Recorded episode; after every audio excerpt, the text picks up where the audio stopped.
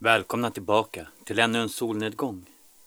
Jag ska lämna er här direkt med en historia. Men först vill jag tacka mor och dotter Johanna och Delia som swishat in ett bidrag till den här podden. Det betyder mycket för mig och vill ni göra detsamma och få ert namn uppläst eller helt enkelt sponsra den här podden så kan ni kolla i avsnittsinformationen hur det går till. Alla bidrag mottagits tacksamt och detta är en helt privat podd utan några reklamintäkter eller annat. Men nu går vi vidare. Michaela Schmidt, våran skräckmästarinna här i kapellet, har bjudit in oss till en kyrka. Eller hon är snarare benägen om att ni inte ska gå dit. Här hör ni Pater Noster, uppläst av mig Tommy Nordin. Nu, när mörkret faller.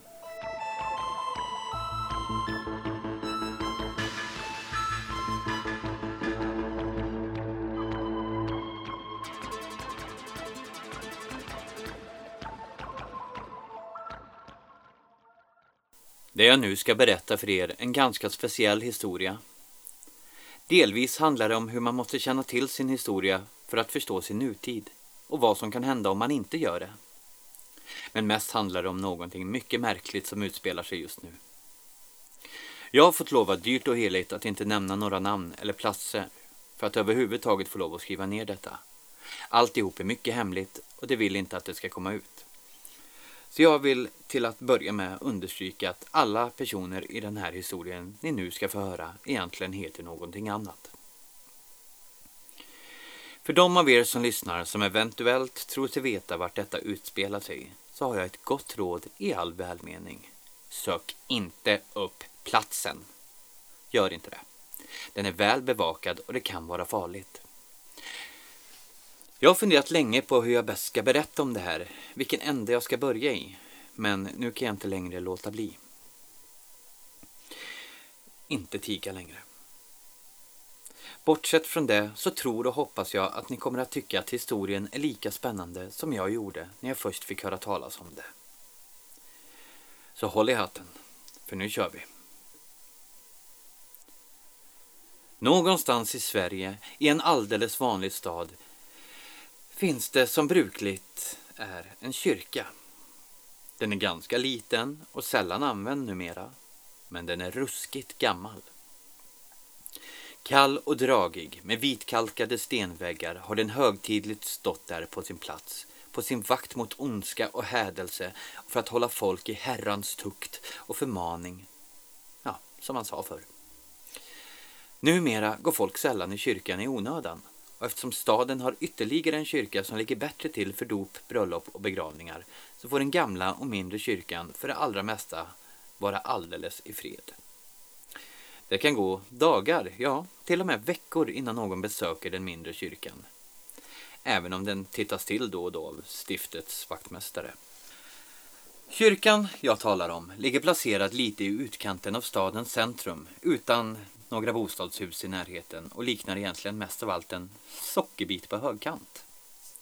En lika gammal kyrkogård breder ut sig kring kyrkans fötter, ganska vildvuxen med skeva gravstenar vars inskriptioner sedan länge är av ålder oläsliga och med höga träd som brer ut sina grenverk och skänker skugga till allt som råkar vara längre ner i tillvaron. Alltihop känns tyst och ödsligt, övergivet och sedan eoner bortglömt. Tillvaron, världen och, ja, tiden passerar bara förbi utan att lägga märke till att kyrkan ligger där med all sin historia och minnen av gångna tiders hjältedåd och lidande. Man ser den i ögonvrån när man går förbi, men man lägger inte märke till den. Så är det. Precis så är det. Det är nog orsaken till att ingen uppfattat att det faktiskt pågår någonting där oavbrutet. Det är troligen också anledningen till att det gått så lätt att hålla det hemligt. Osynligt. Väl dolt för den ovetande allmänheten i vars vardag den här kyrkan ingår och ett välbekant inslag som man ser men ändå inte ser. Det hålls inte längre några förrättningar i kyrkan och det finns heller inte någon präst knuten till den. Men eftersom den är så gammal och en del av vårt gemensamma kulturarv så finns det ändå ett behov av att den blir omhändertagen och omskött och därför finns en halvtidsanställd vaktmästare vars uppgift är att hålla kyrkan hel och i ordning. Sedan ganska många år är det en man som vi kan kalla Stig som innehar den uppgiften. Stig hade från början en heltidstjänst som kyrkovaktmästare och delade sin tid mellan stadens båda kyrkor. Men han har numera gått i pension och efter det sköter han bara om den mindre och dess kyrkogård. Om man frågar honom varför svarar han att det skulle vara mycket svårt att hitta någon annan som vet vad som behöver göras. Stiftet anser tydligen detsamma, eller också tycker man bara att det är enklast att bara låta Stig fortsätta så länge han orkar. Hur som helst är han kvar och han gör sitt jobb och även om han med åren blivit ganska sur och tvär så talar han gärna på sitt korthuggna sätt om kyrkans historia. Först kom Ansgar och sen träkyrkan, kunde han säga. Men träkyrkan brann ner och då byggdes den här ovanpå, spillrorna av den gamla. På 1400-talet var det. Då, när vi fortfarande var katolska. Första prästen var en vedervärdig karl. Utbildad i Tyskland som han gjorde då för tiden och han påstods vara trollkunnig. Prästerna hade stor makt över människor på den tiden. De kunde sätta käppar i hjulet för folk, vägra lyssning eller frejdebrev, vara hårda med tionden eller på andra sätt förstöra tillvaron för vanligt folk.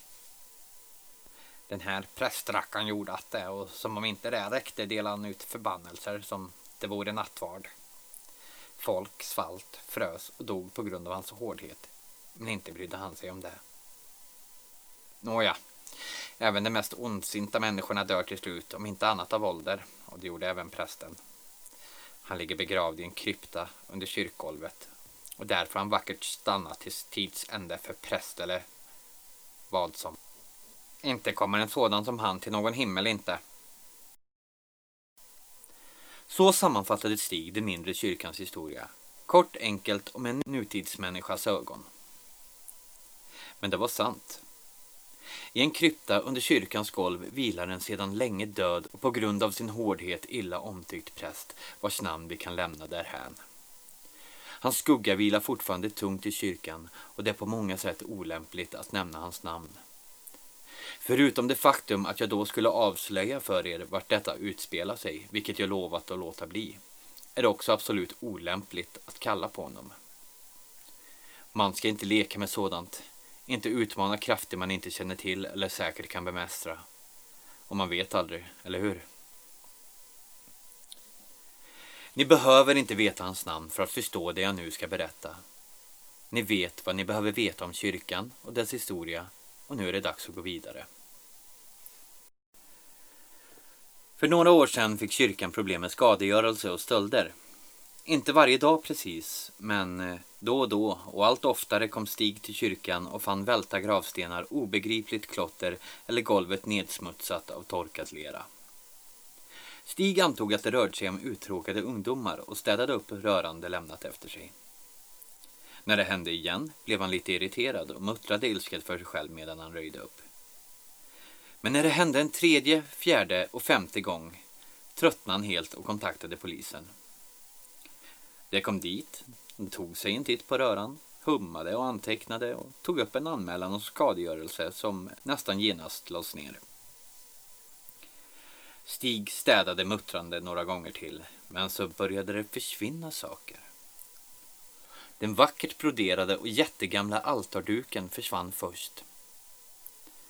Sedan upptäckte han att även en mässhake och några siffror från altartavlan saknades. Detta upprörde honom någonting enormt. Hur kan man ge sig till att förstöra och stjäla en kyrka, tänkte han ilsket.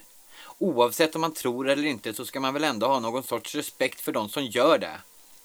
Så i sin ilska kontaktade han polisen ännu en gång och hela proceduren upprepades. Det kom, det hummade, upprättade en anmälan och for sin väg varpå anmälan lades ner efter någon vecka. Det har väl viktigare saker för sig kan man tänka, muttrade Stig för sig själv och bestämde sig där och då för att stanna kvar i kyrkan en natt. Kanske skulle han ha tur och lyckas ta de besvärliga ungdomarna på bar gärning. I så fall skulle han minsann tala om vad han tyckte och tänkte om dagens ungdom. Tyvärr gick det inte riktigt som Stig hade tänkt sig. När han väl satt där i kyrkbänken, alldeles ensam i mörkret, var han inte alls lika arg längre. Bara trött och hängig.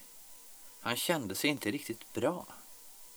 Den torra lukten av gammalt damm gjorde det tungt att andas märkte han. Ett par gånger tyckte han sig höra steg utanför på grusgången, men det måste ha varit inbildning, för ingen kom. Plötsligt kände han sig yr. Han började må illa och det blev till en stor uppgift att komma ihåg att andas. Det gick tungt och gjorde ont. Som tur var hann Stig lägga ihop ett plus ett och få det till två innan det var för sent. Han larmade ambulans och hamnade på sjukhus i några dagar medan det fick ordning på hans gamla hjärta. Men under tiden stod kyrkan tom och obevakad. Stiftet som visste att det var problem kring kyrkan skickade dit någon för att se så att allt stod rätt till och det var då som man upptäckte luckan i golvet. Den som ledde ner i kryptan var rubbad ur sitt läge. Inte öppen eller ens riktigt på glänt. Men det syntes tydligt att någon försökt lyfta undan den och en unken gammal lukt strömmade upp ur glipan. Det var konstigt. Det var alldeles för mycket luft, nästan som att det drog, som att det bildats korsdrag. Luckan puttades skyndsamt tillbaka på sin plats och stiftet meddelades. Det i sin tur tog det hela på allvar och polisen kontaktades. Nu fick nog äntligen vara nog. Nu måste något göras åt saken. Från polisens sida ansåg man sig fortfarande ha viktigare saker att ta hand om än en gammal, mer eller mindre övergiven kyrka. Men stiftets ledning låg på och det började bli besvärligt så till slut beordrades en patrull att bevaka kyrkan i mån av tid under natten. De två män som fick uppdraget var måttligt roade. Det var båda två hårdhudade gamla rävar som hade sett det mesta och överlevt men blivit ganska avtrubbade med åren. De hade inga som helst förhoppningar kvar om mänskligheten och hyste inga illusioner om Gud eller ett liv efter detta. I bilen skämtade de rått och ganska brutalt om sitt uppdrag och varje gång de for förbi kyrkan på väg någon annanstans såg de på varandra med sarkastiskt höjda ögonbryn. Men å andra sidan, stökiga ungdomar ska inte drälla omkring och förstöra egendom. Så de höll plikttroget koll men utan att se någonting särskilt. Klockan var ungefär tre på natten när de åkte förbi en sista gång och då tyckte de sig faktiskt se ett svagt ljussken i ett av fönstren. De stannade bilen och lät den gå på tomgång och släckte lyset för att se bättre. Men hur de än kisade för att se bättre så kunde de inte se något ljussken längre. Trots det bestämde de sig för att det var bäst att gå in och se efter. Chefen skulle inte bli glad om de slarvade med sitt jobb. Så redan innan polisen klev ur bilen snäddade över den mörka kyrkogården och gick in i kyrkan för att se efter så att allt var som det skulle. Båda två var helt säkra på att det var lugnt och tyst där inne. Det här skulle gå fort. Men tiden gick och ingenting hände. Han som satt i bilen började bli otålig och sneglade på klockan. Vad tusan tog han vägen? muttrade han högt för sig själv. Efter tio minuter var han fortfarande ensam i bilen och hans kollega hade inte kommit tillbaka. Han försökte ringa honom men signalerna gick inte fram. Nej, det är förstås ingen mottagning bakom de där tjocka väggarna, muttrade han irriterat och började inse att han borde gå in och se efter vart hans kollega tagit vägen. När det gått en kvart tröttnade han på att vänta och stegade ilsket iväg till kyrkan, vräkte upp porten och stormade in samtidigt som han ropade barskt på sin borttappade kollega. Inget svar. Och ingen kollega. Han såg sig omkring i den tomma kyrkan men kunde inte se honom någonstans. Till slut fick han syn på ingången till kryptan. Luckan var lyft åt sidan och en smal stentrappa ledde neråt i mörkret.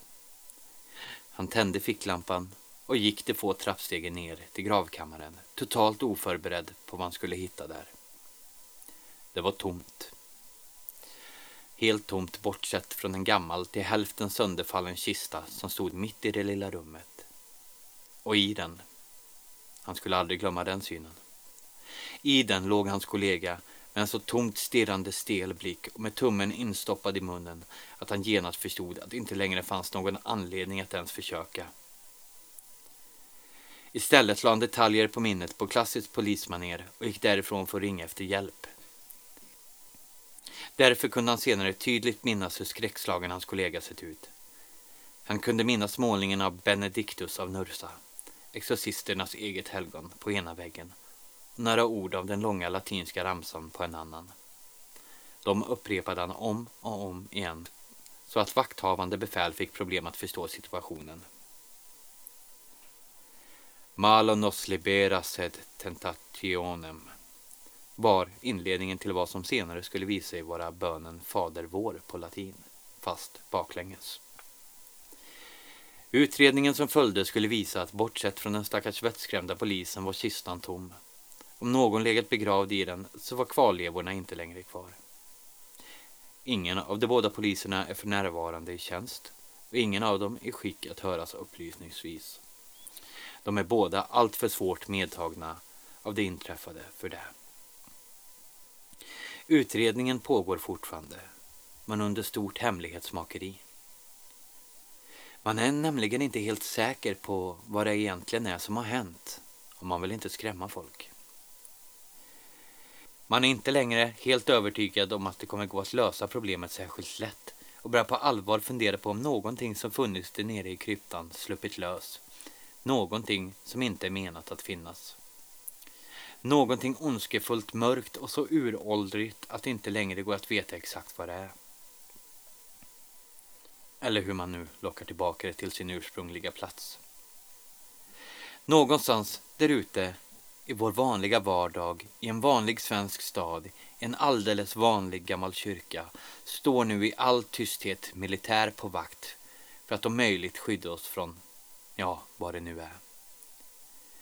Svensk militär som skyddar ett civilt mål i fredstid. Det händer ju inte ens. Det talas inte om det, för man vill inte skapa panik. Men så är det.